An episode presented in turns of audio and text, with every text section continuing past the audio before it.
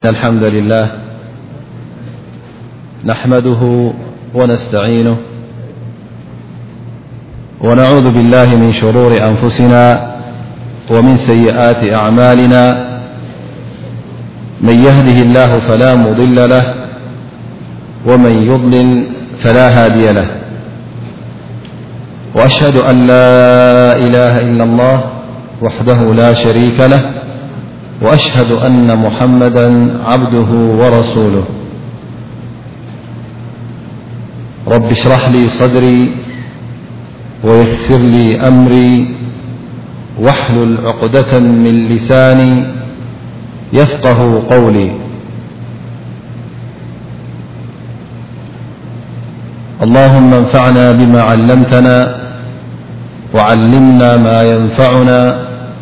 وزدنا علما والحمد لله على كل حال أيها الإخوة الأكارم زخبركم أحوات خبركن أحد السلام عليكم ورحمة الله وبركاته ازحلف سمن جمرنا نبرنا أستمهره أبسمن زنكقل እሱ ድማ ብዛዕባ ኣሓዲት ኣስያም እቲ ናይ ነቢና ሙሓመድ صለ ላሁ ለ ወሰለም ቃላትን ተግባራትን ካልእ ነገር እውን ዘፅጠቆ ደንብታትን ብዛዕባ ናይ ስያም ኣብዚ ቃላት ናይ ነቢና ሙሓመድ صለ ላሁ ለ ወሰለም ኣሓዲ ኣብኡ ክንረኽቦ ኢና ገለ ኣሓዲት ኣብ ዝሓለፈ ሰሙን ጀሚርናዮ ነርና እነሆ ዝሰሙን እዚ እውን እቲ ተሪፉ ዘሎ ኣሓዲት እንሻ ላ ንዕኡ እናተንተና ንዕኡ እናተርጎምናን እቲ ካብኡ እንወስዶ ፍልጠትን ካብኡ እንወስዶ ድማ ደንብታትን ንዕኡ ብዝያዳ ክነብርህ ክንፍትን ኢና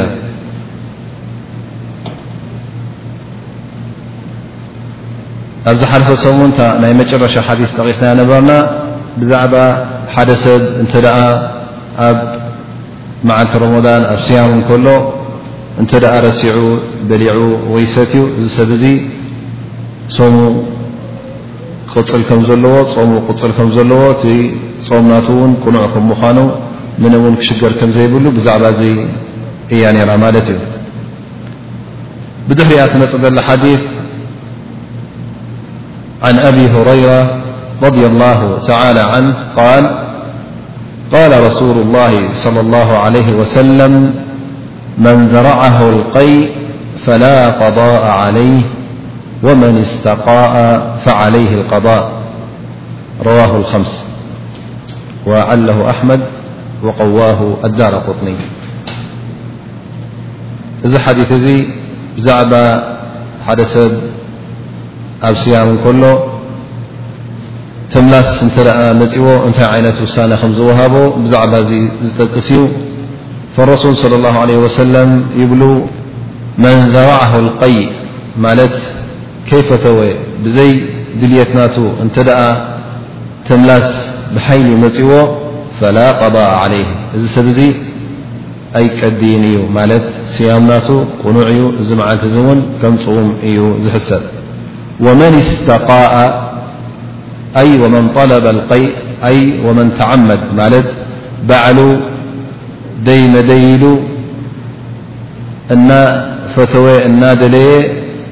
እንተምለሰኸ እንታይ ይኸውን? ፈዓለይህ ልቀዳእ እዚ ሰብ እዚ እንደገና ካልእ መዓልቲ ነዚ መዓልቲ እዚ ክትክእ ኣለዎ ቀዳእ ክገብር ይግደድ ይብሉ ነቢና ሙሓመድ ለ ላ ለ ወሰለም እዚ ሰብ እዚ እንተ ሓደ ብሕማም ኮይኑ ስግድግድ ኢልዎ እተ ኣብ ፍርቂ መዓልቲ ድሕሪ ፈጅሪ ወይ ኣብ ዝኾነ ሰዓት እተ ከይፈተወ ንሱ ስግግድ ኢልዎ እንተ ተምላስ መጺእዎ እሞ ኣምሊሱ እዚ ሰብ እዚ ስያምካ ቅኑዕ እዩ ዘሎ ምክንያቱ እስኻ ፈቲኻ ኣይኮንካን ባዕልኻ ውን ኣይኮንካን እዚ ነገር እዚ ጌርካዮ ግን እንተ ሓደ ሰብ ኣነስ ስግግድ ኢሉ ዕድሚ ከቢዱኒ ኢሉ ቁሩብ ክፈኹሰኒ ኢሉ ባዕሉ ኣፃብዕቱ ኣእትዩ እንተ ኣምሊሱ ወይ ሓደ ዓይነት ፈውሲ ገይሩ ዝኾነ ዓይነት ታሽሙ እተ ገይሩ ነዚ ተምላስ እዚ ከውፅኦ እተ ፈቲኑ እሞ ከዓ እዚ ተምላስ እተ ወፅኡ እዚ ሰብ እዚ በዚ ተምላስ ዝፈፀሞ ናይ ግድን እዩ ነዛ መዓልቲ እዚኣ ክትከኣ ይብሉ ነቢና ሙሓመድ ለ ላ ለ ወሰለም ስለዚ ውሳነ ናይ ሓደ ፀዋማይ እተ ኣምሊሱ ሓንቲ መልሲ ንባይን ኣይንህባን ኢና እንታይ ደኣ እንተ እዚ ሰብ እዚ ፈሊጡ ደልዩ ብድልየቱ እንተ ኣምሊሱ ናቲ ውሳኔ ኣለዎ ግን እንተ እዚ ነገር እዚ ከይፈተወ ብዘይ ድልየቱ ብሕማም ምክንያት እተ መፅእዎ ምንም ሽግር ከም ዘይብሉ ውሳኔ ፍሉይ ውሳነ ወይከዓ እተፈላለየ ውሳነ ኢና ንህበሉ ማለት እዩ ድሕሪያ ትመፅ ዘላ ሓዲ የል وዓን ጃብር እብኒ ዓብድላه ረض ላه ተላ ን أو رضي الله تعالى عنهما أن رسول الله صلى الله عليه وسلم خرج عام الفتح إلى مكة في رمضان فصام حتى بلغ كراع الغميم فصام الناس ثم دعى بقدح من ماء فرفعه حتى نظر الناس إليه ثم شرب فقيل له بعد ذلك إن بعض الناس قد صام فقال أأولئك العصاة وفي لفظ فقيل له إن الناس قد شق عليهم الصيام وإنما ينتظرون فيما فعلت ፈደዓ ብቀደሒ ምን ማእ ባዕደ ልዓስር ፈሸርብ ረዋሁ ሙስሊም እዚ ሓዲስ ድማ ብዛዕባ ናይ ገያሻይ ኣብ ስያም እንከሎ ኣብ ሮሞዳን እንተ ዝሰብ እዚ ጌሹ እንታይ ዓይነት ውሳነ ከም ዝውሃቦ ብዛዕባኡ ዘብርህን ዝገልፅን ይኸውን ጃብር እብኒ ዓብድላህ ዝተባህለ ሰሓቢ ነዚ ነገር እዚ ካብ ነቢና ሙሓመድ صለ ላ ለ ወሰለም ዝረኣዮ ነገር ይጠቅስ ኣሎ ማለት እዩ ፈየል ኣነ ነቢይ صለ ላ ለ ወሰለም ኣይ ኣነ ረሱላ ላ صለ ላ ለ ወሰለም ረጃ ዓመ ልፈትሕ ዓመ ልፈትሕ ኣይ እታ መካ እተቆፃፀረላ ነቢና ሙሓመድ صለ ላ ለ ወሰለም ዓመት ማለት እዩ እሳ ድማ ኣብ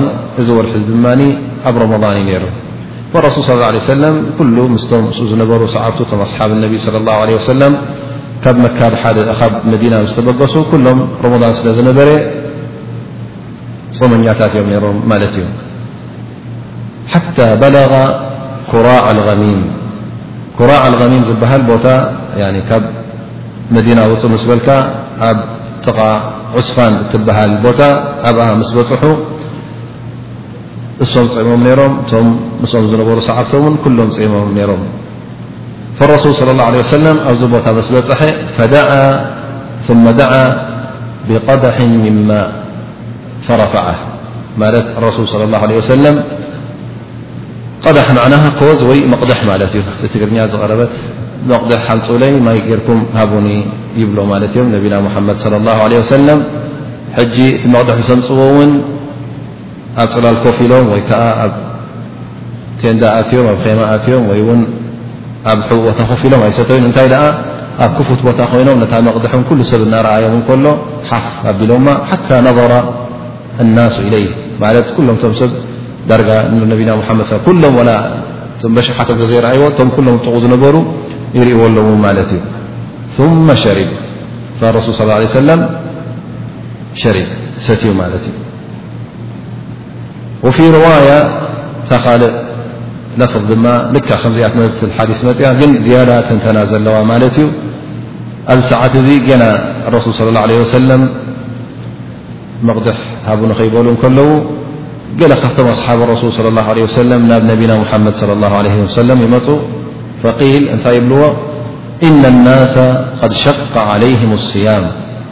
ማለት እዞም ምሳኻ ዘለዉ ሰብሲ እስኻ ትፀውም ስለ ዝረኣዩኻ ግን ገሊኦም በርቲዕዎም እዩ ዘሎ ዝሰም እዙ ማለት መገሻ ስለ ዝኾነ ፀሓይ እውን ኣሎ መገሻ ኣሎ ድኻም ኣሎ ብኣየር ኣይኮነ ብማኪና እንታይ ኣ ብእግርኻን ብገመልን እዩ ዝግየሽ ነይሩ ማለት እዩ ስለዚ ካብቶም ምስ ነቢና ሙሓመድ ለ ላ ለ ወሰለም ዝነበሩ እውን እዚ ስያም እዙ ወይ ከዓ ዝፆም እዙ ከም ዝበርትዖም ገለ ካብቶም ኣስሓብ ረሱል ለ ላ ለ ወሰለም ናብ ነቢና ሙሓመድ መፂኦም እዚ ነገር እዙ ይነግርዎም ኣለዉ ማለት እዩ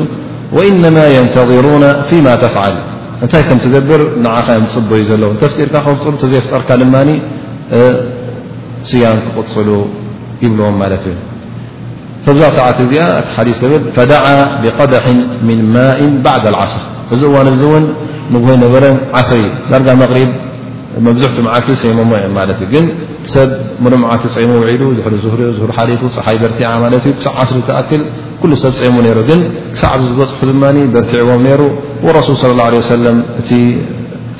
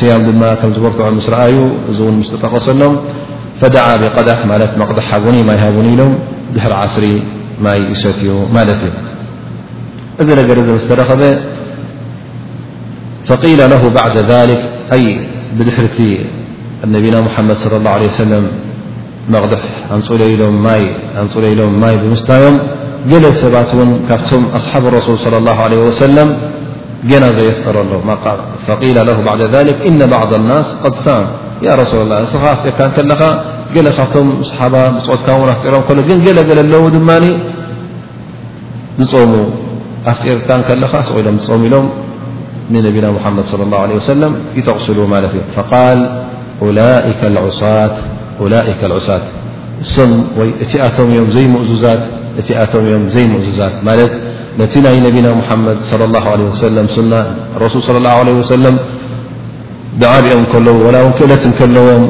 ንስያን እናፍጠሩ እንከለዉ እናረኣዩ እንከለዉ እዞም ሰብ እዚኦም ነቢና ሙሓመድ صለ ላሁ ለ ወሰለም ኣፍጢሮም እንከለዉ ከምኡ ውን እዚ ፍቓድ እዚ ካብ ኣላ ዝመፀ ፍቓድ እንከሎ ነዚ ፍቓድ እዚ እሺ ሕራ ኢሎም ዘይምቕባሎም እንታይ የርኢ ማለት እዚ ነቲ ናይ ሱና ከም ዝነፀጉ ስለ ዝሕሰብ ኡላኢከ ኣልዑሳት ማለት ዘይምእዙዛት ንነቢና ሙሓመድ ሰለ ላሁ ዓለይሂ ወሰለም ዘይምእዘዙ እዮም እዚ ነገር እዚ ዝገብሩ ይብሉ ማለት እዩ እዚ ነገር እዚ ድማ ብዛዕባ ናይ ስያም መቸም ብዙሕ ነገራት ወይ ከዓ ብዙሕ ትንተናታት ኣለዎ ቀንዲ እቲ ክንፈልጦ ዘለና ከምቲ ኣብ ቁርን ዝመፀ የቁል ላ ስብሓን ወተላ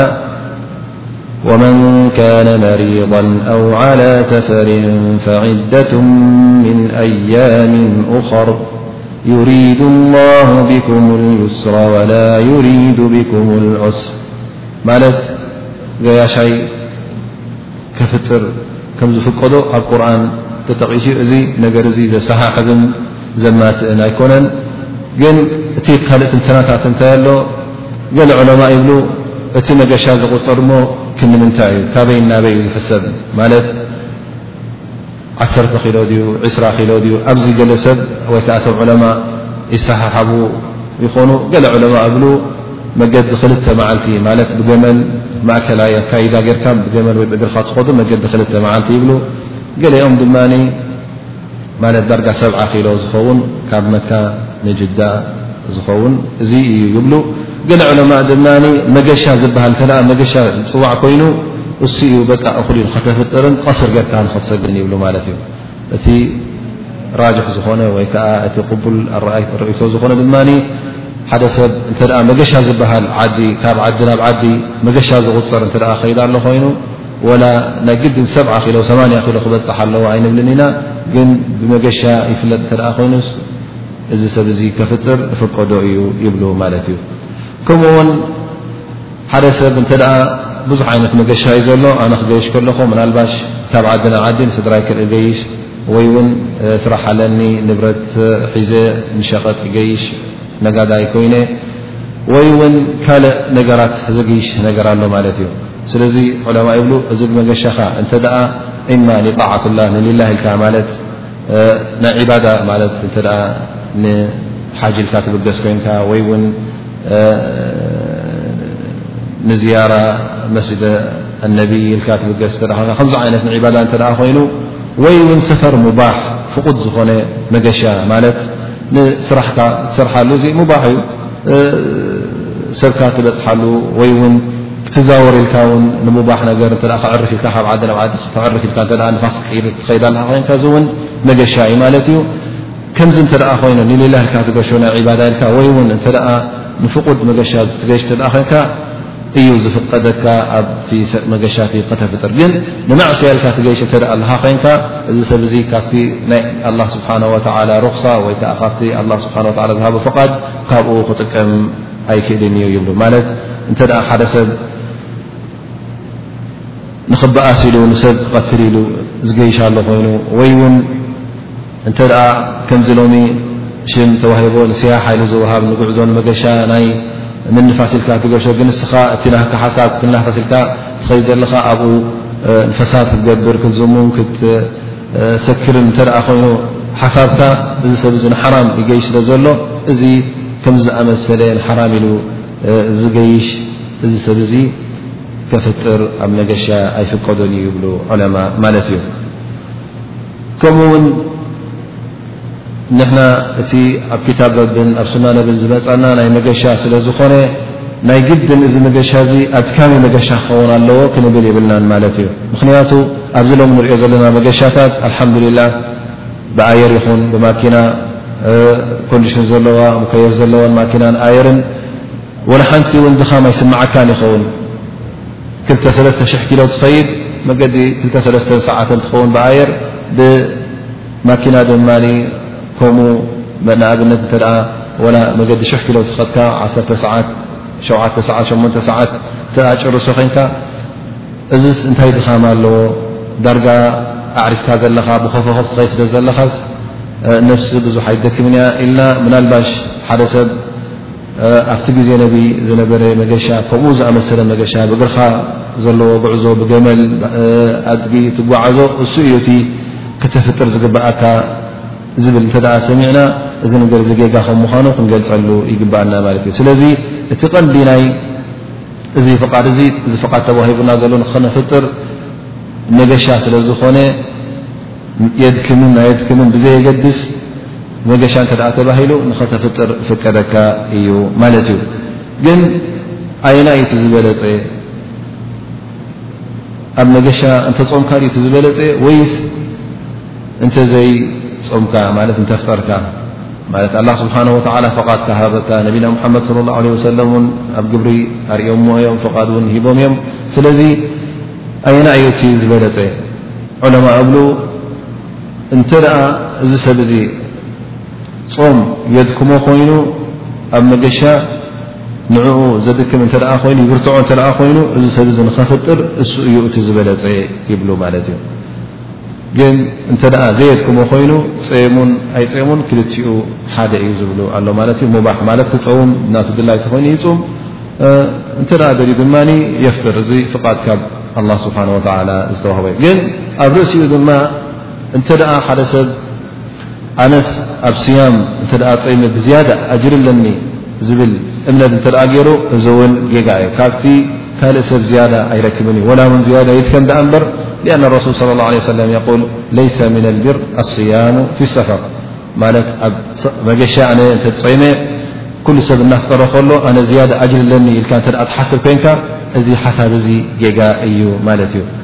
ስለዚ ብልፀት የብሉን ወላ ውን ዝያዳ የብሉን ኣብ መገሻ እትፀሞ ማለት እዩ ስለዚ እተፀምካዮን እንተፍጢርካዮን ክልቲኦ ሓደ እዩ ምክንያቱ ንኸተፍጥር ስለ እተፈቐደካ ማለት እዩ ግን ከምታ ዝበልናያ እተ ዝያዳ የድክመካ ዘድክመካ ኮይኑ እዚ ፆም እዚ ኣብ መገሻ እንተፍጠርካ እቲ ዝበለፀን እቲ ዝሓሸን እዩ እዚ ድማ ኣረሱል ስለ ላ ለ ሰለም እናበርትዖም እንከሎ እቲ ስያም በርቲዑ እናረኣይዎ እንከለዉ ገለ ካብቶም ኣስሓብ ናቱ ካብቶም ብፆት ናቱ ጾም ስለ ዝቐጸሉ ኡላኢከ ልዑሳት ኡላኢከ ዑሳት ዘይምእዙዛት ዝበሎም እናደኸሙ ከሎ እናትከቦም ከሎ ብዝያዳ እቲ ስያም ፈድሊ ወይ ኣጅሪ ዘለዎ መስሎም ጾም ስለ ዝቐጸሉ ጌጋ ከም ምዃኑ ዝሓበረና ነቢና ሙሓመድ صለ ላሁ ለ ወሰለም ካልእ ምስዚ ናይ መገሻኣ ዝተኣሳሰር ድማ ይብሉ እንተ ደኣ ሓደ ሰብ ኩሉ ግዜ ገያሻይ ኮይኑ ማለትቲ ናቱ ስራሕ ኩሉ ግዜ መገሻ ምስ መገሻ ዝተኣሳሰረ እተ ኮይኑ ንኣብነት ኣሎ ኣጋር ነጋዳይ ንብሎ ካብ ዓዲ ናብ ዓዲ ኩሉ ግዜ ዝመላለስ እተ ኮይኑ ኣለዉ እውን ኣውቲስታ ንበሎ ካብ ኩሉ ግዜ እዘ ዓበይቲ ማኪና ዝሓዘ ይኹን ወይ ውን ተካፍ ዝሓዘ ካብ ዓዲ ናብ ዓዲ ዝንቀሳቐስ ኣውቶቡስ ዝድውር ከምዚኦም ዝኣመሰሉ ኩሉ ግዜ መቸም ኣብ ሓድ ዓዲ ስለ ዘየቆሙ ዕድሚኡ ምሉኡ ኣብ መገሻ እዩ ዘሕልፎ ማለት እዩ እ ብናይ ስርሑ መጠን ስለ ዝኾነ እዚ ሰብ እዚ ሃል የፍጥር ዶ ወይስ ኣየፍጥርን ዝብል ሕቶ እንተ መፂኡ ይብሉ ዑለማ እዚ ሰብ እዚ እንተ በዓል ዓዲ ኮይኑ ማለት ዓዲ ኣለዎ ስድራ ኣለዎ ኣብ ሓንቲ ዓዲ ዝቕመጡ ንኣብነት ንበሎ ሓደ ሰብ ስድርኡ ቤቱ ኣብ ርያድ እዩ ግን ኩሉ ግዜ ገያሻ እዩ እመፅእ ክልተሰለስተ መዓልቲ ኮፍ ኢሉ ሰሙን ይገይሽ ንጅዳ ከይድ በዚ ድማ ምኸይድ ላዕሊ ታሕተ ንብል ዳሕራይ ድማ ዜሩ ዜሩ ግን ኣብ ገዝኡ ከይተመለሰ ኣይተርፍን ማለት እዩ ስለዚ ይብሉ እዚ ሰብ እዚ ከምዚ እተረኣ ኮይኑ ከፍጥር እውን ይፍቀዶ እዩ ምክንያቱ በዓል ዓዲ ስለ ዝኾነ በዓል ቦታ ስለ ዝኾነ ኣለዎ ስድራ ኣለዎ ገዛ ዝኣትዎ ገዛ ስለ ዘለዎ ማለት እዩ ስለዚ እተ ዝኣትዎ ዓድን ዝኣትዎ ገዛን ኣለዎ እዚ ሰብ እዚ ንኸፍጥር ይፍቀዶ እዩ ምክንያቱ እሱ እውን ወላ ውን ስራሕናቱ መገሻ ኩሉ ግዜ መገሻ ዘድልዮ ይኹን ደኣ እምበር ገያሻይ እዩ ዝቑፀር ማለት እዩ። ግን ኣሎ ድማ እንተ ከምዞም ሰብ መራክብ ንበሎም ኣለዉ ሰብ መራክብ መርከብ ከምቲ ንፈልጣ ዳርጋ ዓዲ እያ ማለት እዩ። ምስ ሰበይቱ ምስ ደቁ ምስ ገዝኡ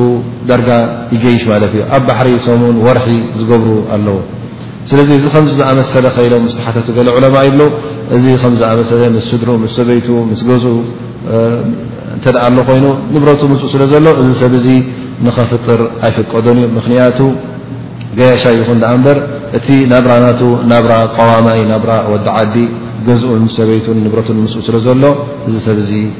ከፍጥር ኣይፍቀዶን እዩ ይብሉ ማለት እዩ ከምኡ ውን እንተ ገያሻይ ኣብ ፍርቂ መዓልቲ ካብ መገሻ ንዓዲ ኣትዩ ከንገጹ ኣትዩ ማለት እዩ እዚ ሰብ እዚ እንታይ ይገብር ማለት ኣነ ንኣብነት ጅዳ ነረ ካብ ጅዳ ንርያድ መፀ ሳዕ ዓሰ ዓስረ መፅ ኣለኹ ማለት እዩ ኣነ ድማ ኣብ መንገዲ ፍጢረ መፀ ማለት እዩ ውሽጢ ዓዲ ምስ ኣተኹ ኣብ ርያድ ዝቕመጥ ሃ እዛ መዓልቲ እዚኣ ኪላፍ የለን ማለት እዩ ኣፍጢርካ ኢኻ ከምትቐድያ ፍልጥቲ እያ ግን ዓዲ ምስኣተኻ ኣነስ ኣፍጢረ ኢልካ ትበልዕ ዶ ወይስ ከም ወዲ ዓዲ ተሓሲብካ ነቲ መዓልቲ እቲ ኢምሳክ ትገብር ማለት እታ ተሪፋ ዘላ መዓልቲ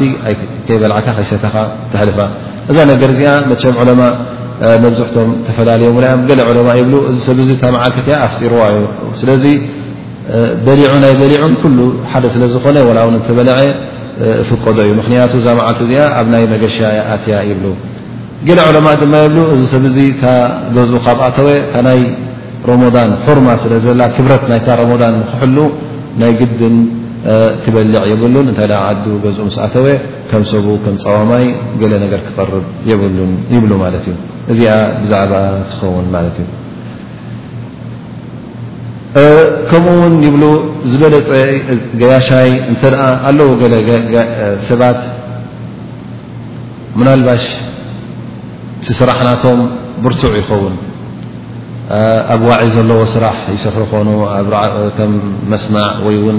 እቲ ስራሕ ናቶም ኩሉ ግዜ መቸ ምስ ሓዊ ምስ ፀሓይ ዝተኣሳሰረ ኸውን ስለዚ እታ ዕረፍቲ ዝረክበላ እዋን ወርሒ ሮሞዳን እንተኮይና እሞ ኣብዚ ወርሒ እዚ እንተገሸ ንኣብነት እንተ ደኣ ኣነስ ሕጂ ኣብዛ መገሻ እዚኣ እንተዘይጸምኩወን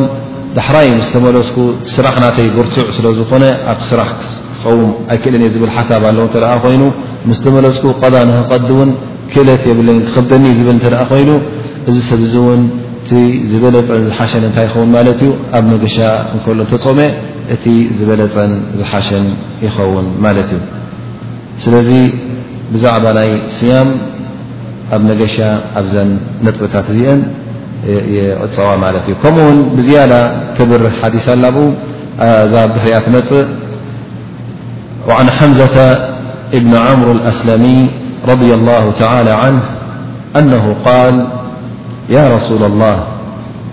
إني أجد بي قوة على الصيام في السفر فهل علي جناح فقال رسول الله صلى الله عليه وسلم هي رخصة من الله فمن أخذ بها فحسن ومن أحب أن يصوم فلا جناح عليه رواه مسلم ذي حمز بن عمر الأصلمي استبال ص ف با محم صلى الله عليه سلم نبر سعاب نبا محمد صلى الله عليه وسلم يمء فيا رسول الله ل نبنا محمد يحتم إني أجد ب قوة على الصيام في السفر أن مجشاون ين كلت لن نخوم سلذي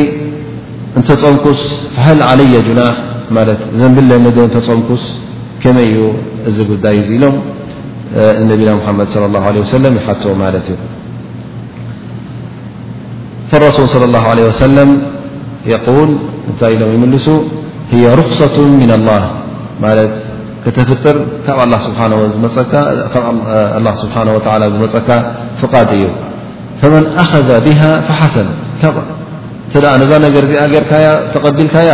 ኣፍጢርካ ፅቡቕ ወመን ኣሓበ ኣን የሱም ፈላ ጅናሃ ዓለይ ክፀውም እተደለየ ድማ ምንም ዘንቢ የብሉን ይብሉ ማለት እዩ ስለዚ እቲ ናይ ገያሻይ ፆም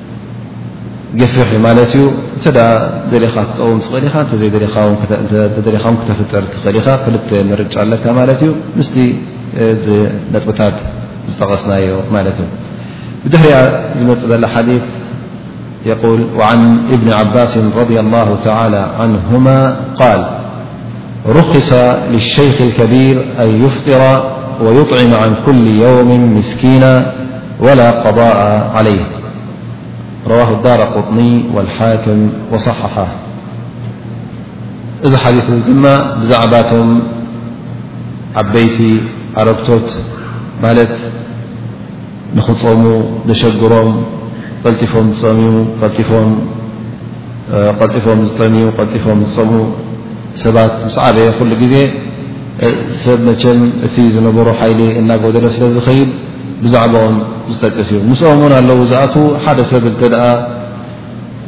ሓደ ዓይነት ሕማም ዘይፍወስ ሕማም እተ መፅዎ እንተፀሞ ውን ብዝያዳ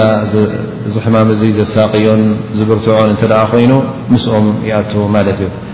ከዚ ሓዲት እዚ እብን ዓባስ ጠቂስዎ ማለት እዩ። እብን ዓባስ ረ ዓብዱላ ብን ዓባስ ሓብሩ ልእማ ካብቶም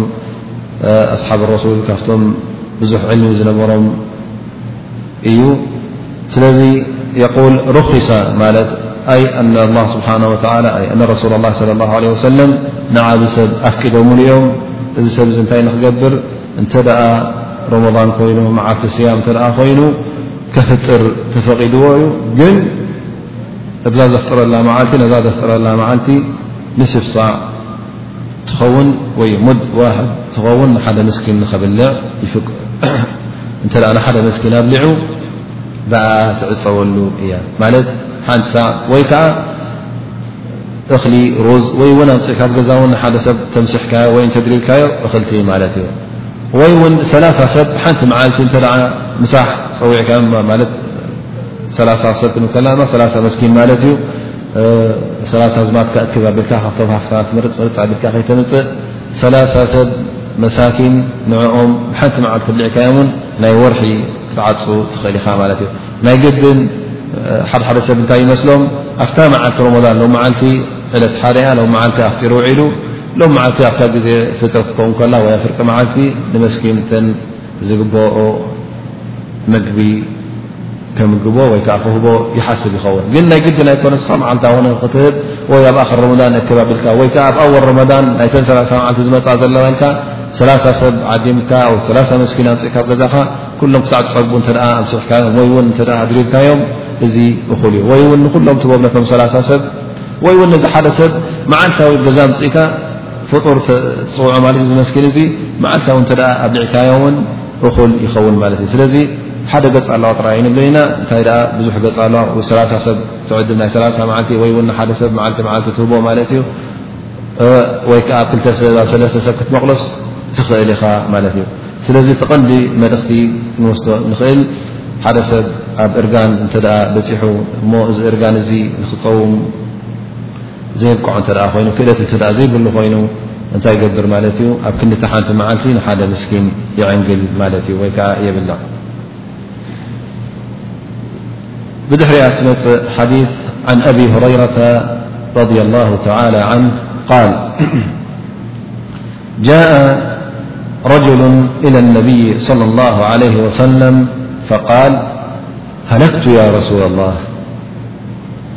فقال ارسول قال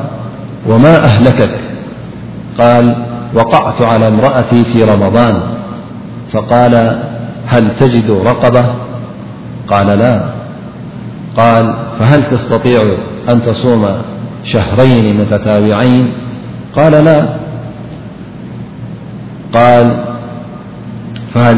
تجد ما تطعم ستين مسكينا قال لا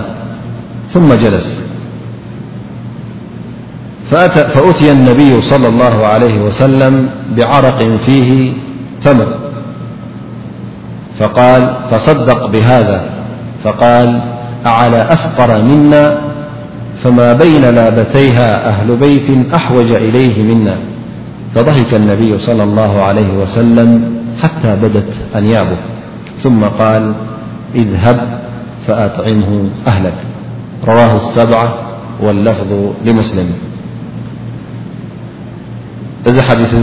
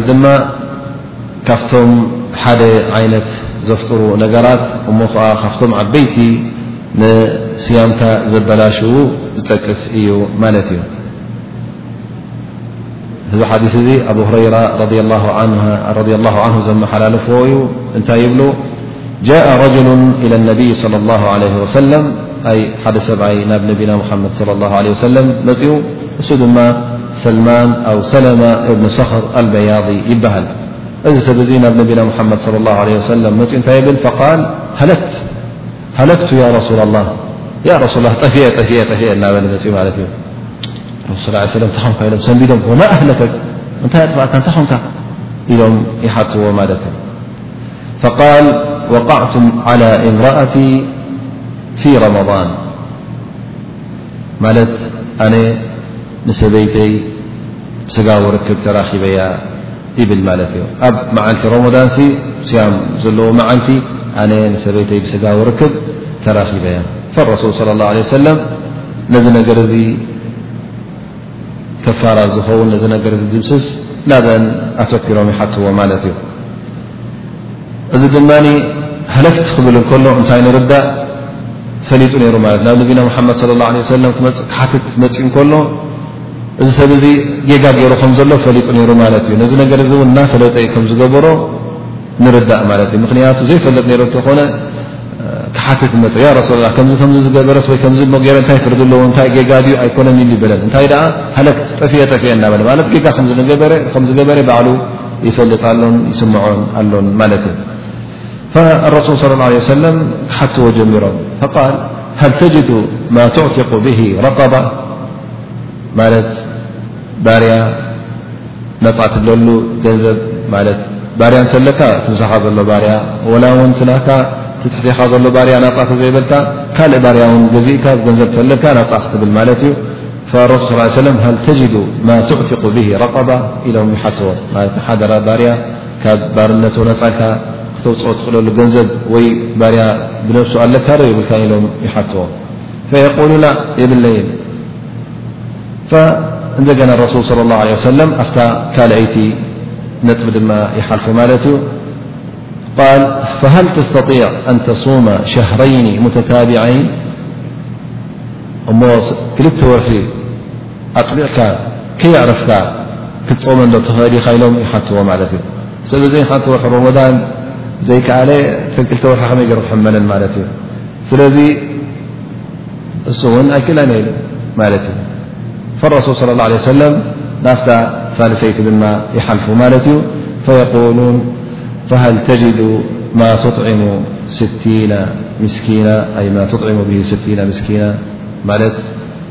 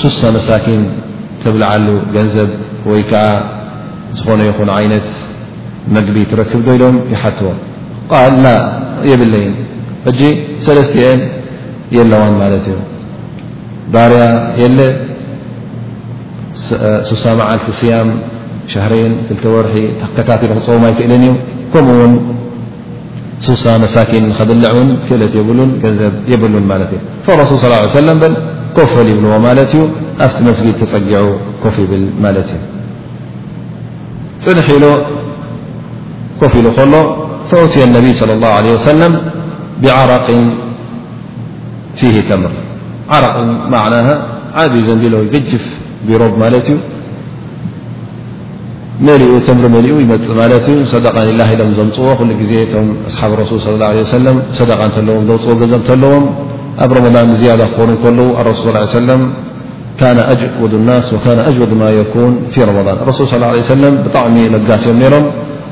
ኣዝኦም ለጋስ እውን ዝኾኑሉ ኣብ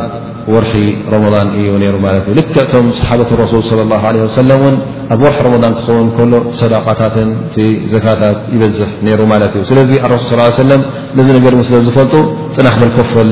ኢሎሞ ማለት እዩ ቁርብ ፅንሕ ስበለ እውን ቅጅፍ ዘንቢል ወይከዓ ከምዚ ቢሮብ ዘመስል ቀደም መቸም ኣብኡ ኣብ ቢሮ ኣብ ዘንቢል ኣብኡ እዮም ዘቐምጥዎ ነይሮም ንዕኡ ዝመልአ ተምሪ ይመፅእ ማለት እዩ እቲ ተምሪ ንነቢና ሙሓመድ ለ ላ ለ ሰለም እቶም ሰደቃ ክህቡ ዝመፁ ይህብዎም ማለት እዩ ፈየቁሉ ረሱል ስ ሰለም ይፅውዖ ነዚ ሰብ እዙ ፈቃል ተሰደቅ ብሃዛ እዚ ውሰዶ ነቲ ናይ ስቲ ምስኪን ዝውሃብ ሰደቃ እዚ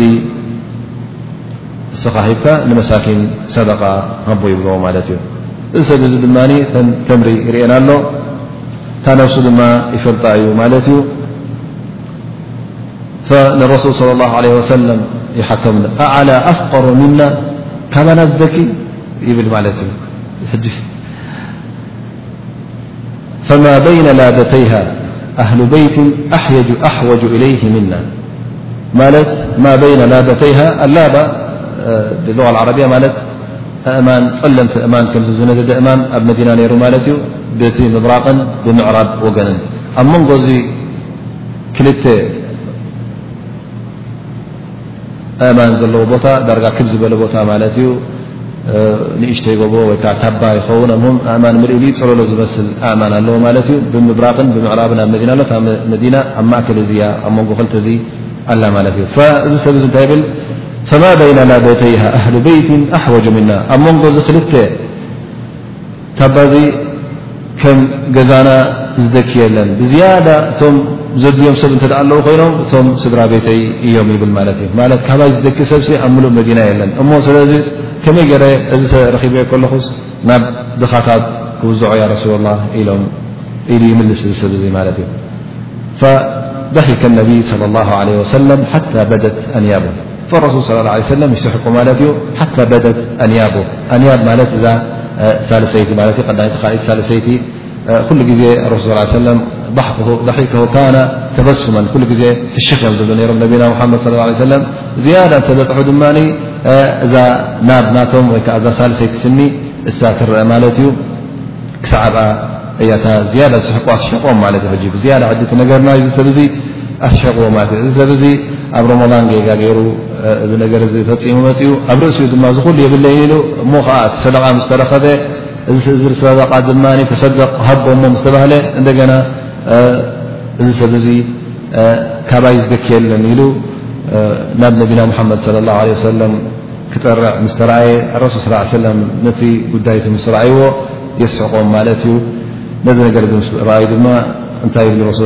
እዝሃብ ፈኣጥዒምሁ ኣህለክ ማለት ኪድ ከላስ ውሰዶ ነቶም ስድራኻ ድማ ኣብላዓሉ ይብልዎም ማለት እዩ ስለዚ እዚ ሓዲስ እዚ ድማ እንታይ የርኢ ማለት እዩ ሓደ ሰብ ኣብ ወርሒ ሮሞዳን እንተ ደኣ ነዚ ነገር እዚ ስጋዊ ርክብ ምስ ስድሮ እንተ ፈፂሙ እዚ ሰብ እዚ ክልተ ነገር ከም ዝግበኦ ቀዳማይ ነገር ቐዳእ እዛ መዓልቲ እዚኣ ይቐድያ ማለት እዩ ኣብ ርእሲኡ እዘን ሰለስተ ነገራት ሓንቲ ካብአን ይፍፅል ማለት እዩ እሰን ድማ ብተርቲብ ማለት በብተራ ነቲኣ ተዘይከኣል ናፍቲኣ ይሓልፍ ቲኣ ተዘይከኣል ናፍቲኣ ይሓልፍ ዳኣ እምበር ብምርጫ ኣይኮነን እክትያር ኣይኮነን ከምድላይ መሪፂ ኣይወስድን እዩ ስለዚ ብምንታይ ይጀምር ቀዳማይ ነገር እንተ ናይ ረቐባ ወይ ከዓ ናይቲ ባርያ ነፃ ምባል እሳ እተ ክእለት ኣለዎ ኮይኑ ብገንዘብ ይኹን ወይ እውን እቲ ባርያ ንገዛእ ርእሱ ኣብ ቤቱ ዝረኽቦ እተ ኮይኑ እተዘየሎ ድማ ካብኣ ናበይ ይሓልፍ ኣብታ ናይ ሱሳ መዓልቲ ምውፃም ኣከታትልካ ከይዕረፍካ እንተ ሳ ዘይክእላ ኮይኑ ድማ ኣበይነይቲ ይሓልፍ ማለት እዩ ኣብታ ናይ ሱሳ ምስኪን የብልዕ ሱሳ ምስኪን ከምዝበልናዮም ንሓደ ምስኪን ንሳ ሓደ ሙድ ማለት ሓደ ኪሎ ፈረቓን ዝኸውን ክልተ ኪሎ ዝኸውን ወይ ኪሎ ዝኸውን መቸም ዘፅግብ ማለት እዩ ተብልዖ ማለት እዩ ወላ እውን ናይ ግድን ኣይኮነን እኽሊ ክትህብ ወይ እውን ሩዝ ክትህብ ኣብሲልካ በቢ ዓይነት ብልዒ ጌርካ ዝሰብ እዚ እተ ፀዊዕካ ብልዒካ ዝመስኪን እዚ እውን እኹል እዩ ማለት እዩ ስለዚ እቲ ኢቕዓም እተ ተረኺቡ እዚ ነገር እዚ እኹል ይብሉ ማለት እዩ እተን ናይ ሱሳ መዓልቲ ድማ ኣከታትልካ ክትፀመን ከለኻ ገለ ዕለማ ብሉ እተ ዒድ ኣርኪቦ ከዚ ሰብ ዚ ሃል ይፍጢር ኣው ላ ይፍጢር ኣብ መንጎ ማለት ንኣብነት እዚ ሕጂ ሓንቲ እዘን ሱሳ መዓልቲ ዮም ዋሕድ ዝልሕጃ ክፀመን ጀሚሩ ንበሎ ወይ ከዓ ኣብ ዝልቃዒዳ ጀሚሩ ንበሎ እቲ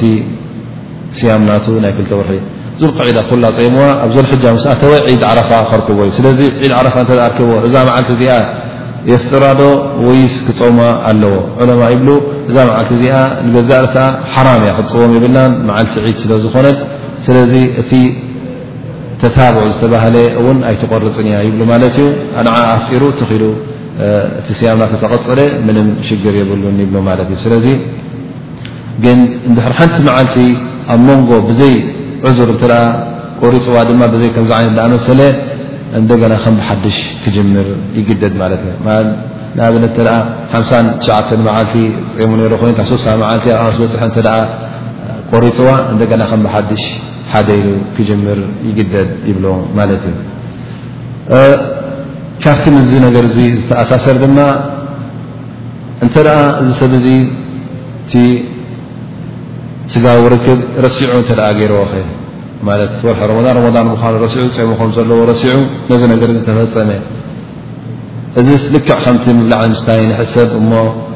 ምንም ሽግር የብሉን ንብልዶ ወይስ እንታይ ዓይነት ውሳነ ኣለዎ ፍሉይ ውሳነ ኣለዎ ዶ የብሉን እዚ ነገር እዚ ዳርጋቶም ዕለማ እውን ንገዛእ ርእሶም ዝተፈላለየ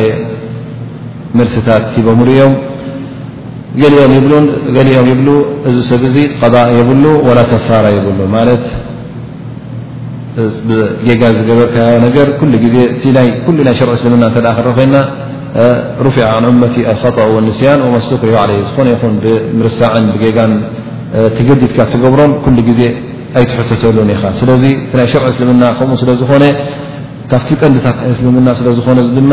ንሕና እዚ ሰብ እዚ እንተ ረሲዑ ገይርዎ እሞ እዚ ምርሳዕ ድማ ኣብ ኢዱ ይኮነን ወዲ ሰብ ኣላ ስብሓን ወተላ ክኸልቆ ከሎ እቲ ናይ ምርሳዕ ነገር እውን ካብቲ ናቱ ባህርያት ስለ ዝገበሮ ስለዚ እዚ ሰብ እዚ ከፋራ የብሉ ወላ ቀባ የብሉ ይብሉ እዚ ቃል እዚ ድማ ናይቶም መብዝሕቶም ዕለማ ኢማም ሻፍዒ ከምኡውን ኣብ ሓኒፋ ዝበልዎ እዩ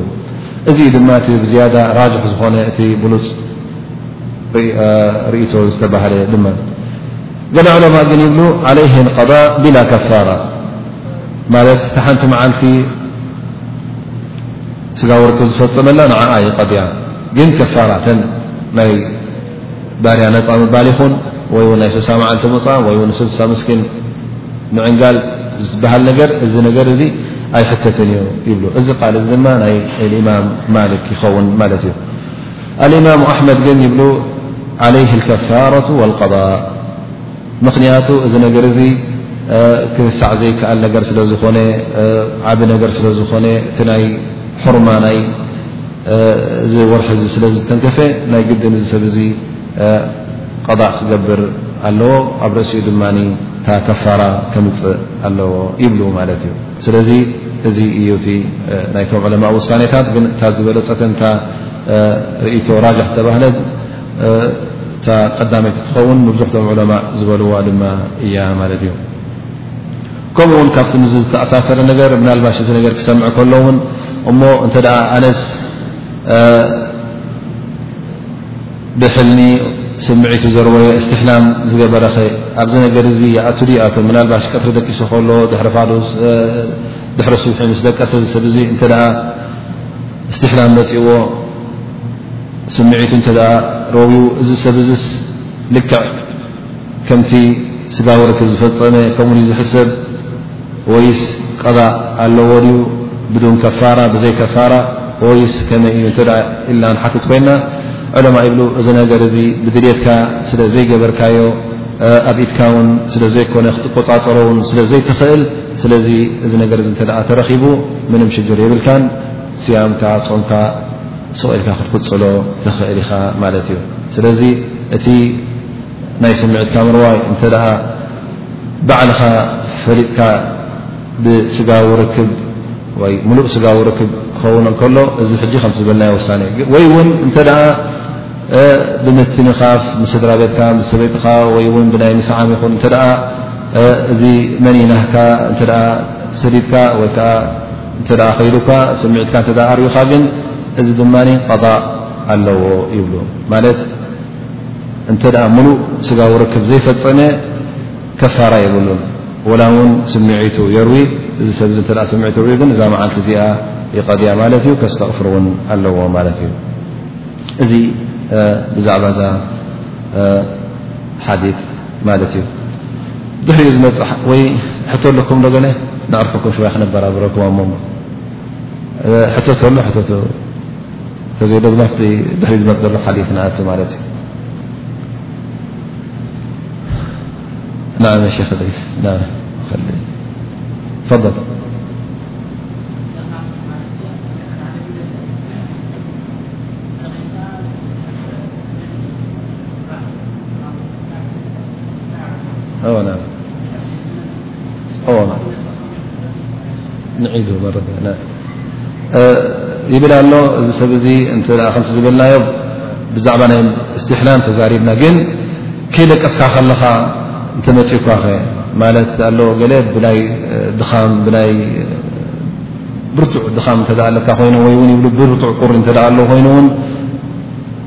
ብዘይ ድልየትካ ውን እቲ መኒ ካባኻ ክወፅእ ይኽእል እዩ ይብሉ። ስለዚ እዚ ከ የፍጥር ድዩ ኣየፍጥርን እዩ ዘሎ እቲ ሕቶ ማለት እዩ። እዚ ነገር እዚ ድማ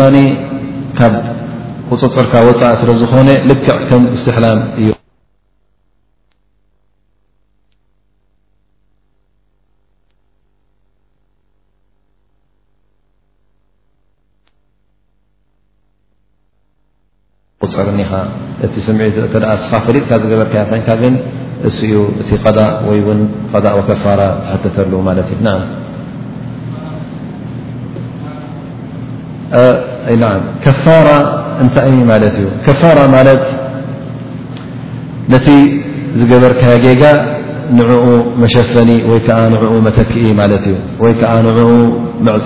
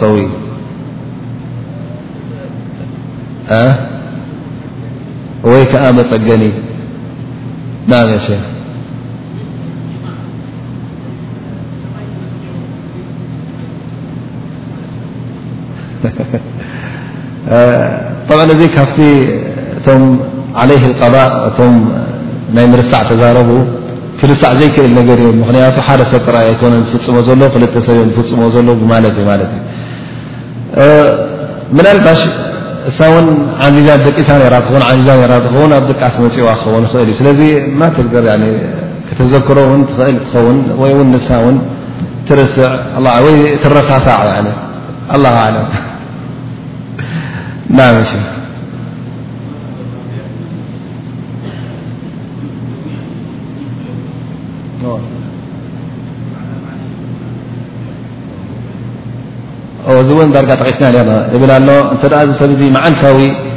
ዳርጋ ኪሎ ሓ ኪሎ ካብ ከተማ ወፃኢ ይኸይዳ ኣሎ እተ ኮይኑ እዚ ሰብ ዚ እንታይ እዩ ውሳናት ልክዕ ከምቶም ዝብልናዮም ክፍጥር እፍቀዶ እዩ ተፀይሙ ናቲ ጉዳይ እዩ ግን ከም ገያሻይ መጠን እዚ ሰብ እዚ ማዳም ገዛ ኣለዎ ስድራ ኣለዎ ኮይኖም ዓዱ ኣብ ርያድ እዩ ዝሕሰብ ማለት እዩ ገዝኡ ኣብ ርያድ እዩ ስለዚ እዚ ዝኸዶ ዘሎ መገሻ እዩ ዝቁፀር ምክንያቱ ስኻ ብ መገሻ ሰብ እንታይ ከም ዘጓንፎ ኣይትፈልጥን ኢኻ ስለዚ እዚ መገሻ ኣይኮዶን መዓልታዊ ዝኸዶ ዘሎ ኢልካ ክትዓፅዎን ክትዓግቶን ኣይትኽእልን ኢኻ ልክዕ ከምቲ ዝበልናዮ ከምዞም ጠቐስናዮም እዚ ሰብ እዚ ወላ ውን ኣውቲስታ ውን ከም ዝበልናዮ ካብ ዓዲ ናብ ዓዲ ዝኸይድ ነጋዳይ ይኸውን ኣለዉ ድማ ጀላቤን ማለት ኣቑሑት ካብ ደገ ደገ ዘምፅኡ ከምዞም ኣጋር ካብ ኩሉ ግዜ ንግሆ ንግሆ ካብ ውሽጢ ከተማ ወፅኡ ኣብቲ ሃገረሰባት ዘውርቶም ሃገረሰብ ክመፅኡ ከለዉ ካብኦም ይኣኻኽብ ማለት እዩ እንተ ዝሰብ እዚ ካብዚ ከዛ ዘሎ መገሻ ትሕሰብ ትቁፀር እተ ኮይና እዚ ሰብ እዚ እውን ገያሻይ እዩ ዝቁፀር ስለዚ ስራሕካ እዩ ኢልካ እሞ እስኻስ መዓስ ኣ ክፀውም ኢልካ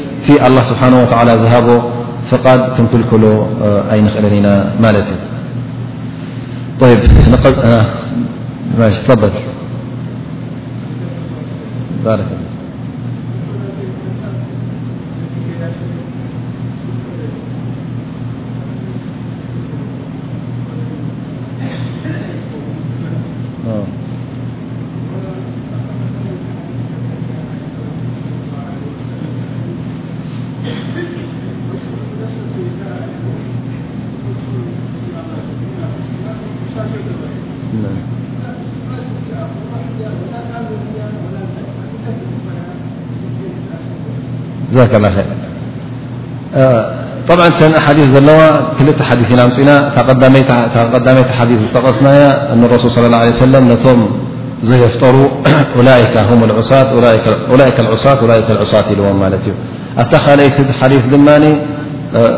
ክፍጥር ዝደለየ የፍጥር ክፀውም ዝደለየ ድማ ናቱ ጉዳይ እዩ ኢሉ ኣረሱ እዘን ሓዲት ክልተ ስከመይ ጌርና ንጠምረን ማዳምቲኦም ፀይሞም እንከለዉ ዑሳት ዘይምእዙዛት ተባሂሎም ኣብታ ቀዳመይቲ ሓዲት ኣብታ ካልይቲ ሓዲት ግን እቲ ነገር እቲ እንታይ ትኮይኑ ማለት እዩ ክፍቲ ተረኺቡ ማለት እዩ ንሕና እታ ቀዳመይቲ ሓዲስ ዝጠቐስና ወፊ ለፍዘይና ካእቲ ሓዲስ ነቲ ሓዲስ እ ዝምልእ ብካልእ ኣገባብ ብካልእ መገዲ ዝመፀ ጠቒስና ነርና እቲ ስያም ብርቱዑ ከም ዝነበረ ነቶም ገያሾ በርትዕዎም ከም ዝነበረ ስለዚ ዑለማ እንታይ ኢሎም እዚኣ ይብሉ ሃደ ሓዲ ይሕመል ናበይ ገፅና ኢናን ነፀግዖ እንተ ደኣ እቲ ስያም ዝብርትዓካን ዘትክመካን እንተ ኮይኑ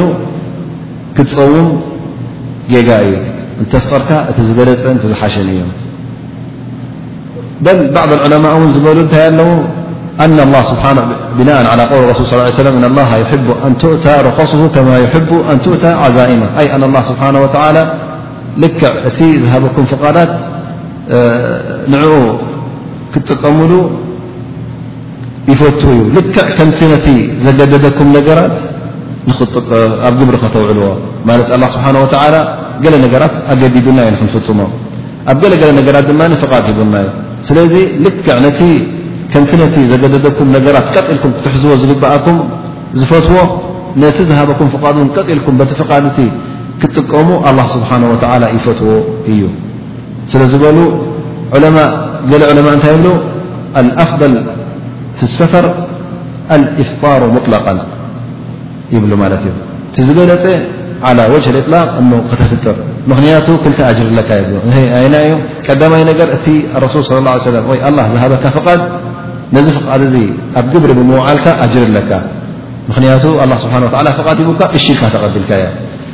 ካልኣይ ነገር እዛ መዓልቲ እዚኣ እውን ኣይጠፈአትን ማለት እዩ ፅባሕ ንግሆ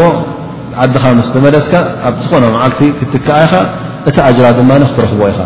ስለዚ ክልተ ኣጅሪ ጠሚርካ ትረክብ ኣለኻ ስለዚ እቲ ኢፍጣር ኣብ ስያም ብሉፅን ብዝያዳ ፍትውን ይኸውን ይብሉ ኣጅሪ ዘለዎ ድማ ይኸውን ይብሉ ማለት እዩ እዚ ነተን ክልተ ሓዲት የጠማምር ማለት እዩ لا بر ل يث وعن ئشة وأم سلمة رضي الله تعالى عنهما أن النبي صلى الله عليه وسلم كان يصلح جنبا من جماع ثم يغتسل ويصوم متفق عليه وزاد مسلم في حديث أم سلمة ولا يقضي እዚ ሓዲስ እዚ ድማ ክልተ ካብተን ኣንስቶም ንነቢና ሙሓመድ ለ ላሁ ለ ወሰለም ዝጠቐስኦ ወይ ከዓ ዘመሓላለፈኦ ሓዲት እዩ እዚ ነገር እዚ ድማ ብጀክአን ዝፈልጦ ነገር የለን ስለዚ ብዙሕ ነገራት ኣሎ እቲ ኣብ መንጎ ሰብኣይን ሰበይቱን ዝኸውን ነገራት እሱን ሰበይቱን ጥራይ እዮም ዝፈልጥዎ እዚ ነገር እዚ ድማ ናይ ነቢና ሙሓመድ ለ ላ ለ ሰለም ምስቲ መምርሕታት ናቶም ምስቲ ዒባዳ ዝተኣሳሰረ ስለ ዝኾነ እሶም ዝገብርዎ ዝነበሩ እውን ሸሪዓዊ ኣገባብ ዝሓዘ ስለ ዝኾነ ነዚ ነገር እዚ ከመሓላልፈላ ዝኽእል ወይ ባዕሎም ነቢና ሙሓመድ ለ ላ ለ ሰለም እዮም ወይ እውን እተን ኣንስቶም ይኾና ማለት እዩ ምክንያቱ ካልእ ሰብ እዚ ነገር እዚ ዝፈልጦ ኣይኮነን ማለት እዩ ስለዚ ብዛዕባ እዚ እውን ክጠቕሳ እንከለዋ እሙ ሰለማ ዓእሻ ረድ ላ ዓንሁማ እንታይ ይብላ ኣነ ነብይ صለ ላሁ ዓለ ወሰለም ካነ ዩስቢሑ ጅኑባ ምን ጅማዕ ኣይ ኣረሱል ስለ ላ ለ ሰለም የውግሕዎ ነይሮም ማለት እዩ ፈጅሪ ይኣቱ ነይሩ ወይ ፈጅሪ ይሓልፍ ነይሩ ገና ከይተሓፀቡ እንከለዉ ስጋዊ ርክብ ፈፂሞም እንከለዉ ነፍሶም ከይተሓፀቡ እንከለዉ ጀናባ እንከለዎም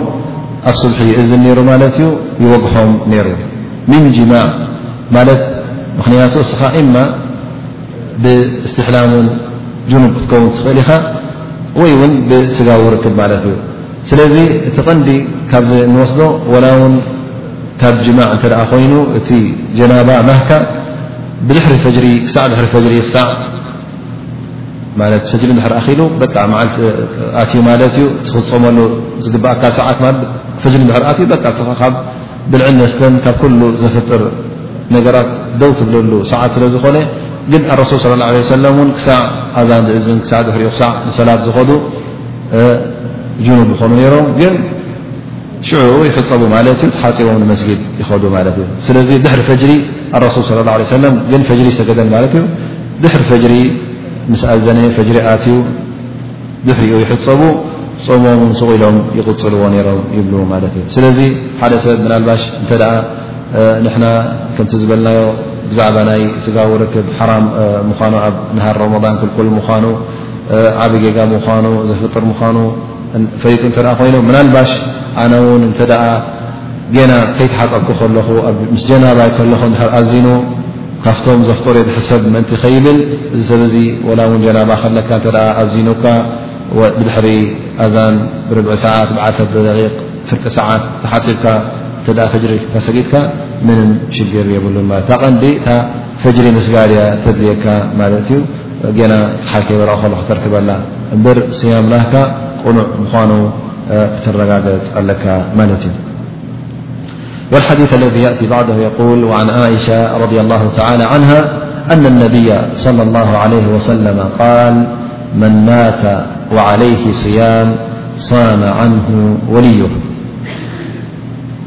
መን ማተ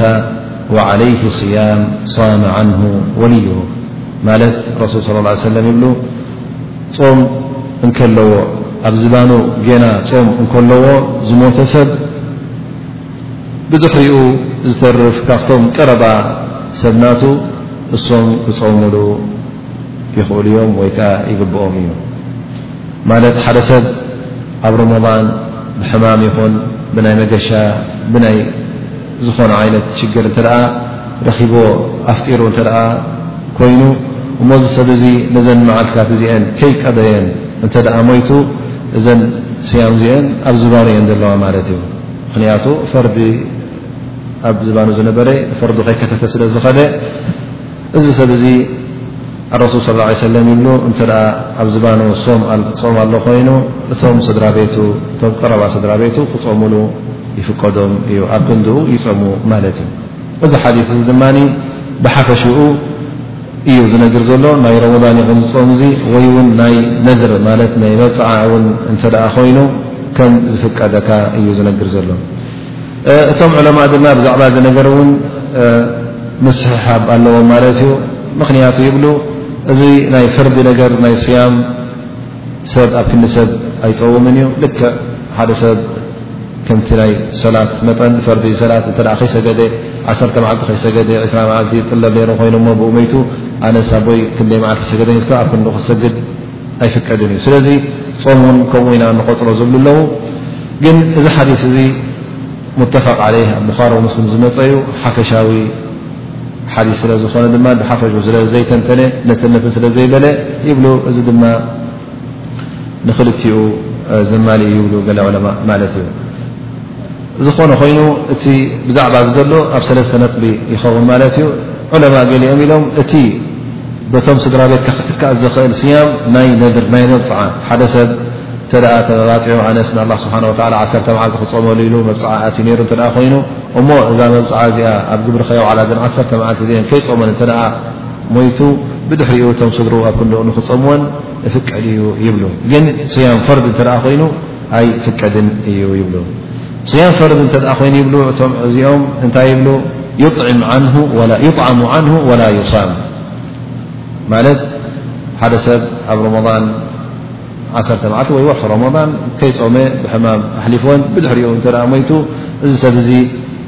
ኣብተን ናይ ሰላሳ መዓልቲ እተ ኮይነ ዓሰርተ በብመዓልተን ንመሳኪን ኣብ ክንዱ ክተብልዕ ኢኻ ዝግብኣካ ዳኣ እምበር ኣብ ክንዱውስ ኣይትፀውምን ኢኻ ይብሉ ማለት እዩ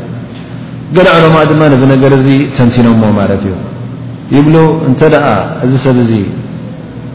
ናይ ፈርዲ ስያም ነይርዎ ኮይኑ እሞ ፀሙ እናፍጠረ ስያም ናይ ፈርዲ ማለት ኣብ ንበሎ ንኣብነት ኣብ ኣወል ረመዳን እዚ ሰብ እዚ ረመዳን ዝኣተወላ ይሓምም ንበሎ እሞ ቀዳማይ ረመዳን ካልኣይ ረመዳን ክፀውም ኣይከኣልን ክሳዕ ፍርቂ ረመዳን ዓሰርተ መዓልቲ ብሕማም ኣሕሊፍዎን ኣብ ዓሰርተ መዓልቲ ዓሰርተ ሓሙሽተ መዓልቲ ብሕማም ኩለን ኣሕሊፍዎን ኣብ ፍርቂ ረመዳን ይመውት ማለት እዩ እዚ ሰብ እዚ ግዜ ይረኸበን ንክፀውመን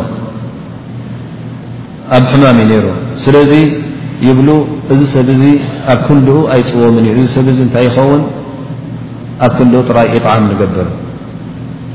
ግን እንተ ደኣ መዓልታት ነረን ንህቀዲ ክእለት ነይረዎ ኮይኑ እሞ እዘን መዓልቲ እዚአን ድማ ኣይቀደየንን ኣብዚ ሰዓት እዚ እንታይ ንብል ማለት እዩ ኣብ ክንድኡ ክፅዎም ኣለዎ ንብል ይብሉ ማለት እዩ ስለዚ ኣብ ሰለስተ ዓይነት እዮም ተመቒሎም ዘለዉ ማለት ፍርቆም ናይ ሮሞዳን ኣስለን ኣይፅወምን እዩ እንታይ ደኣ ሱቕ ኢልና ኣብ ክንዲ እታ ዓፊ ክንዲ ሓንቲ መዓልቲ ኢጣዓም ምስኪን ንምስኪን ንዕንግል ንመስኪን ንህበሉ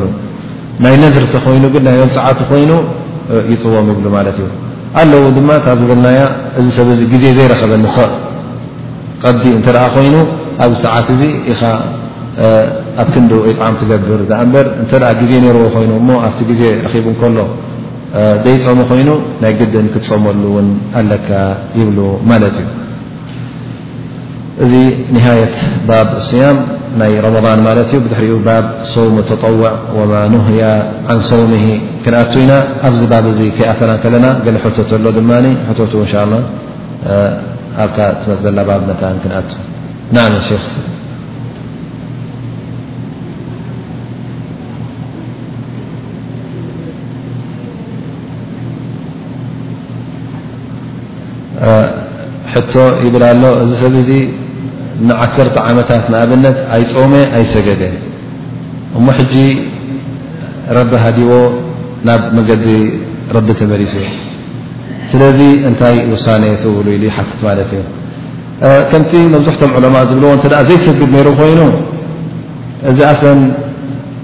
ካብቶም ኣስላም ኣይቁፀርን እዩ በል ካፍር ስለ ዝቁፅር እዚ ሰብ እዚ ቶባ ኢሉ ልክዕ ከም ኣብ ኣስልምና ከም ሓድሽ ዝኣተወ ነዛ ነብሱ ይቁፀራ ስለዚ እስላሙ የጅቡ ማ ቀብሎ እቲ ቅድሚኡ ዝነበረ ኣላ ስብሓን ወተላ ይምሕሮን ይሳምሓ እንሻ ላ ይምድምስሰሉን ቶባ ብለሉ ንኸውን ግን እንተ ዝሰግድ ነይሩ ኮይኑ እዩ ዘሎ ትሕቶ ሓደ ሰብ ይሰግድ እዩ ነይሩ ሰላት ኣይገደፈን ኣስላማ እዩ ነይሩ ግን ገለ ገለ መዓልትታት በሊዕዎን ሰትዎን ዓሰርተ መዓልቲ ዘይፈልጠን ን ክኸውን ይኽእል ዩ ዝፈልጠን ን ክኸውን ይኽእል እዩ ግን እዚ ሰብ እዚ ካብ እስልምና ስለ ዘይወፀ እንታይ ይገብር ንዓሰርተ ዓመት ዝኸውን መሰለን እቲ ሮሞዳናት ብደንቢ ጸሞ ኣይነበረን ሓንቲ መዓልቲ ጸውም ሓንቲ መዓልቲ በልዓ ወይ ውን ታወርሒ ስድራ ጸውም ኣለኹ እናበለ እንዳ ሻሂት ዋዕዋዕ ኣቢሎ ንገዛ ኣቱ መቕሪብ ኣቱ ዝያዳ ካብቶም ሳይሚን ዝበልዕ ሰብ ውን ኣሎ እዚ እዩ እቲ ሕቶ እዚ ሰብ እዚ ማዳ ኣስላማይ ነይሩ ኮይኑ እዚ ናይ ግድን ክቐዲ ኣለዎ ገለ ዕለማ ይብሉ ኣስለን ሮሞዳን እንተ ሓንቲ መዓልቲ ፍጢርካላ ዓብዪ ጌጋ ስለ ዝኾነ እዚ ነዚ ወርሒ እዚ ስለ ዘሕሰርካ ዝጾምካ እንተጾምካ ክትክእ ኣይትኽእልን ኢኻ ይብሎ ግን እቲ ዝሓሸ ርእቶ ን ዝበለፅ ርእቶን ነዘን መዓልቲ ዝሓለፈ መዓልቲ ወላ ውን ኣፍጥራ ድኣ እምበር ቶባ ኢልካ እታ ዘፍጠርካያ መዓልቲ ክትቀድያ ናይ ግድን ይኸውን ማለት እዩ እታ ዘፍጠርካያ መዓልቲ ተደኣ ትፈልጦ ኮይንካ ኩሉ ብቁፅሩ ፅቡቅ ወፂርካ ተዘየሎ ገሚትካ ውን ኣነ ንኣብነት ዳርጋ ኣይትፈልጦ ኢኻ ቁፅሪ ኣይትፍለጦ ሰላሳ ኣርባዓ መዓልቲ ይትወለ ዳኣ እምበር እቲ ኣዋርሕ ፅቡቕ ትፀምካሉን እቲ ትፃወትካሉን ኣዋርሕ እውን ዳርጋ ኣይትፈልጦ ኢኻ ወላ እውን እተ ዘይትፈለጥካዮ ኮይንካ ናይ ዓሰርተ ዓመት እተ ኩለን ክትክበን ኮይንካ ሰለስተ ሚእቲ መዓልቲ እየን ቀስ ኢልካ ኣብ ሓንቲ መዓልቲ እናፀምካ ሰለስተ መዓልቲ ወርሒ እናፀምካ ቀስ ብቀስ እናገበርካ እውን ነተን መዓልትታት ትትክዐን ማለት እዩ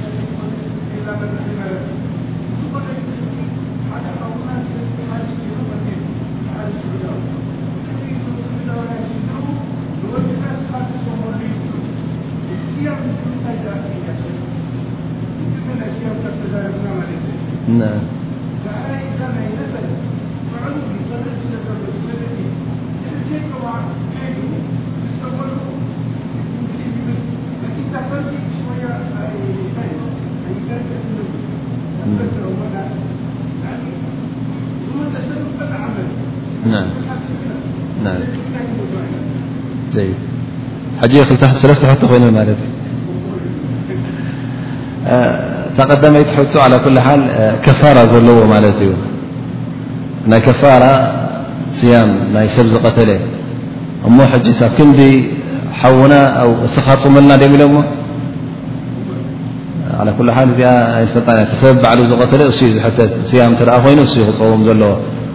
እበር ካልእ ሰብ ክትከኣሉ ይክእልን እዩ እላ እንተ ሞይቱ ኮይኑ ማለት እዩ እተ ሞይቱ ኮይኑ ሓደ ካብ ስድርኡ ይፀመሉ በር ግን እሱ ቀትሉ እዩ ዘሎ ሕጂ ዝቐተለ ግን እንታይ ከመይ ገይሩ ወላ ክልቲኦም እዮም ሞይቶም ራይ ኣሎ ማለት እዩ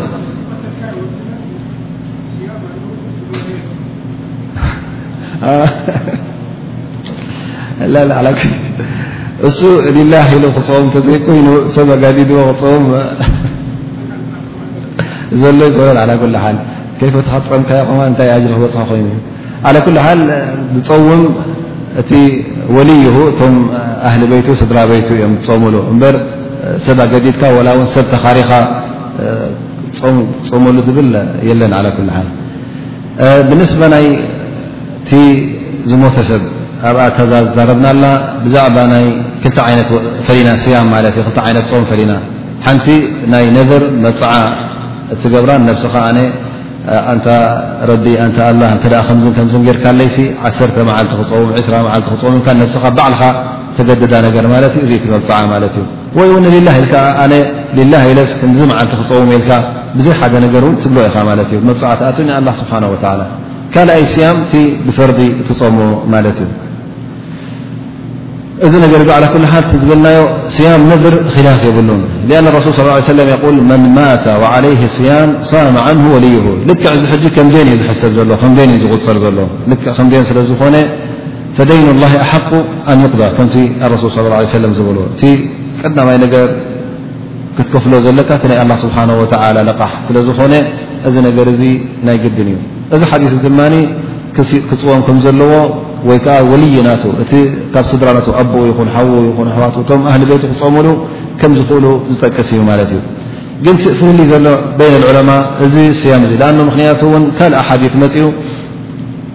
ዓእሻ ረድ ላ ን ዝጠቐሰቶ እኑ ሓንቲ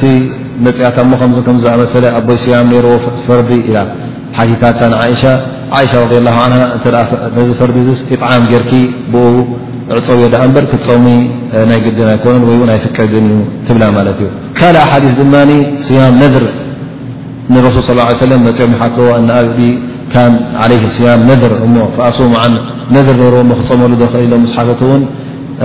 እብኒ ዓባስ ይኹኑ ካብቶም ሰሓባ ዝጠቐስዎ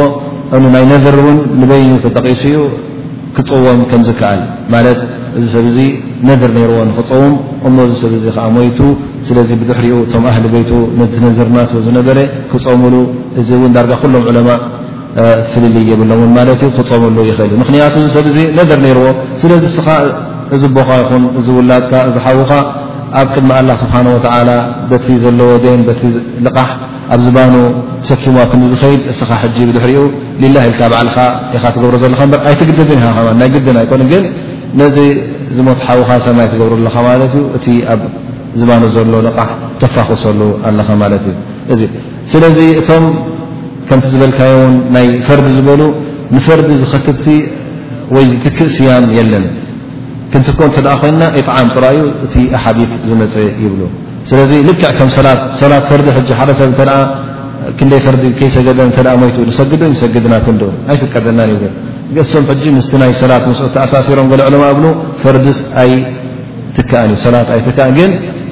ልክዕ ከምቲ ምስኪ ዓዲ ሰብ ዝበልናዮ ወይ ከዓ ሓሚሙ ዘይሓወየ ኢጥዓም ዝህብ ከምኡ ጌርኩም ኢጥዓም ክተውፅሉ ይፍቀደኩም እዩ ይብሎ ካልእ ድሕሪ ጉድለት ነይርዎ ኮይኑ ትስያም ዘይተምልእ ድማ ኣላ ስብሓን ወተዓላ ይሓስቦ ይብሉ ማለት እዩ እዚ ብዛዕባ ናይዛ ዝሓተትካላ ነጥቢ ማለት እዩ ናዓ ሸክ እብራሂም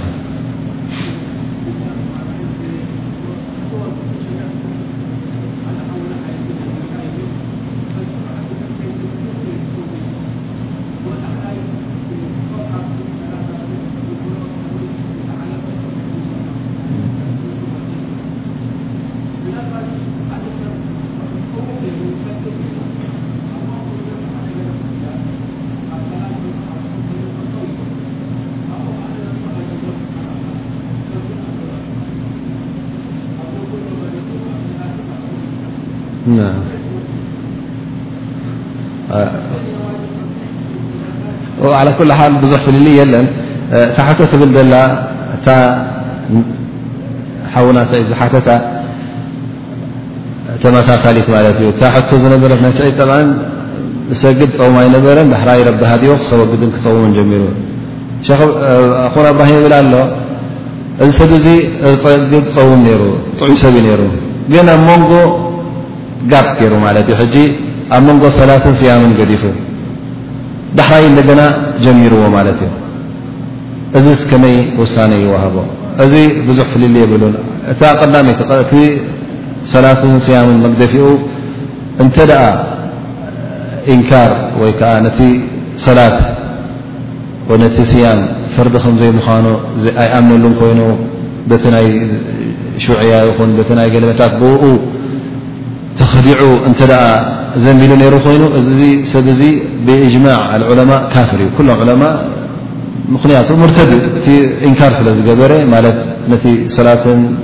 ስያምን ብኣላ ስብሓን ወላ ከምተኣዘዝ ስለ ዝነፀጎ ወይ እውን ንኣላ ስብሓን ወላ ዛቲ ከም ዘሎን ከምዘየሎን ዘይኣመነሉ እተ ኮይኑ ግን ኣብ መንጎ ከምቲ ዝበሎ ንዘርፍ መዓየን ማለት ንገለ ነገር እማ እተ ብናይ ንእስነት ይኹን ንበሎ ወይ እውን ተሃውን እዮም ዝብልዎ ማለት እዩ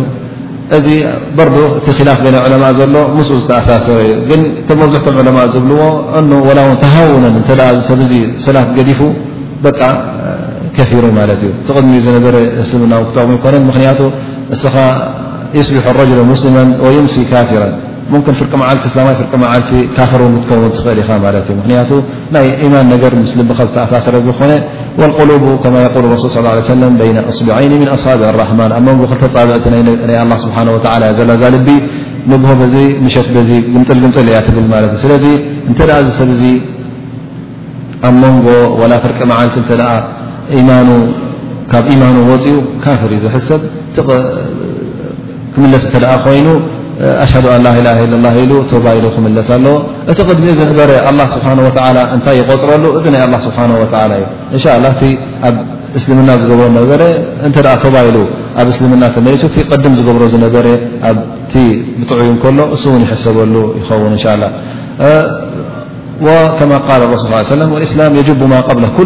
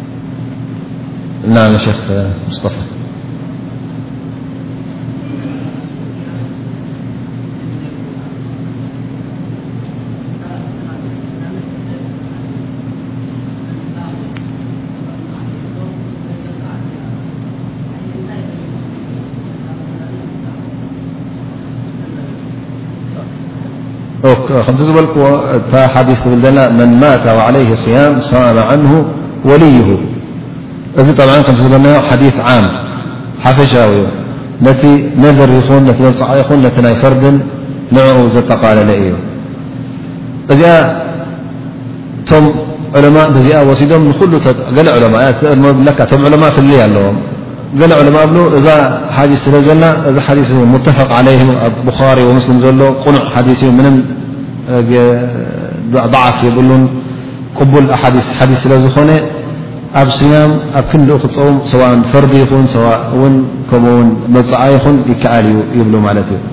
እዚ እቲ ሓደ ርእቶ እዩ ማለት እዩ ካልኣይ ርእቶ እቲ ዘምፀ ዝፈላለየ እንታይ እዩ ኣሎ ካልኣ ሓዲ ዓን ኣእሻ ረድ ላ ዓንሃ ከምቲ ዝበልናዮ ሓንቲ መፅያ ሕቶ ሓቲታታ እኖ ኣቦይ ከምዚ ከምዚ ፈርዲ ነይርዎ እሞ ናይ ስያም ሮሞዳን ከይጾመ መይቱ እሞ ክጾመሉ ዶ ኣይጾመሉን ኢላ ሓቲታታ ምስ ሓተተታ ላ ኢጥዓም ኢኺ ትገብሪ ደኣ እምበር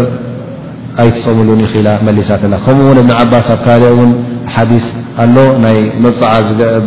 ዝገበረ እሱዩ ከም ዝጾመሉ ጠቒሱ ፈይሎም ነቲ ሓዲስ ኩሉ እተ ብሓፈሻ ኣኻኺብና ወሲድናዮስ እንታይ ይኸውን ማለት እዩ እዚ ሓዲ ዓም ሓፈሻዊ እዩ ሙኸሰስ ወይ ከዓ በቲ ካልእ ኣሓዲስ ብኡ ኻስ ኻስ ከም ምኳኑ ተጠቂሱ ኣየና እዩ እቲ ክፅገም ወይ ከዓ ኣብ ክንዲኡ ክትፀመሉ ትኽእልን ኣየና እዩ ከዓ እቲ ኣብ ክንዲኡ ክትፀመሉ ዘይትኽእልን ዝወሳሰን ካልእ ኣሓዲ ኣሎ ይብሉ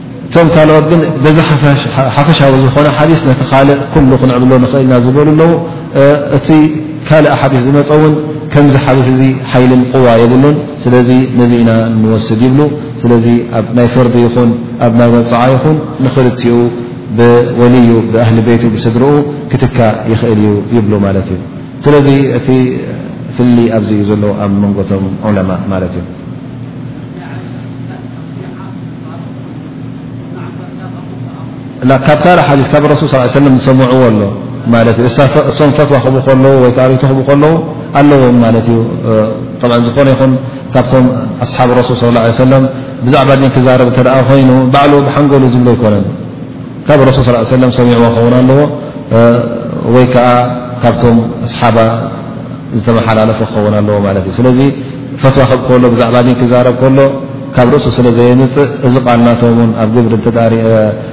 ምስዚ ሓዲት እዚ እተ ኣቀራሪብናዮ ብከምዚ ገርና ክንትንትኖ ንኽእል ይብሉ ማለት እዩ ቶም ክፈላልዩ ዝረኣይዎ ወይ ከዓ እቲ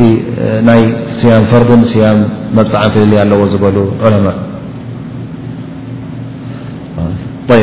ኣቁሉ ቀውሊ ሃ ኣስተፊሩ ላ ሊ ወኩም ለ ላ ላ ነብይና ሙሓመድ ላ ሊ ወሳሕቢ ወሰለም ኣጅማዒን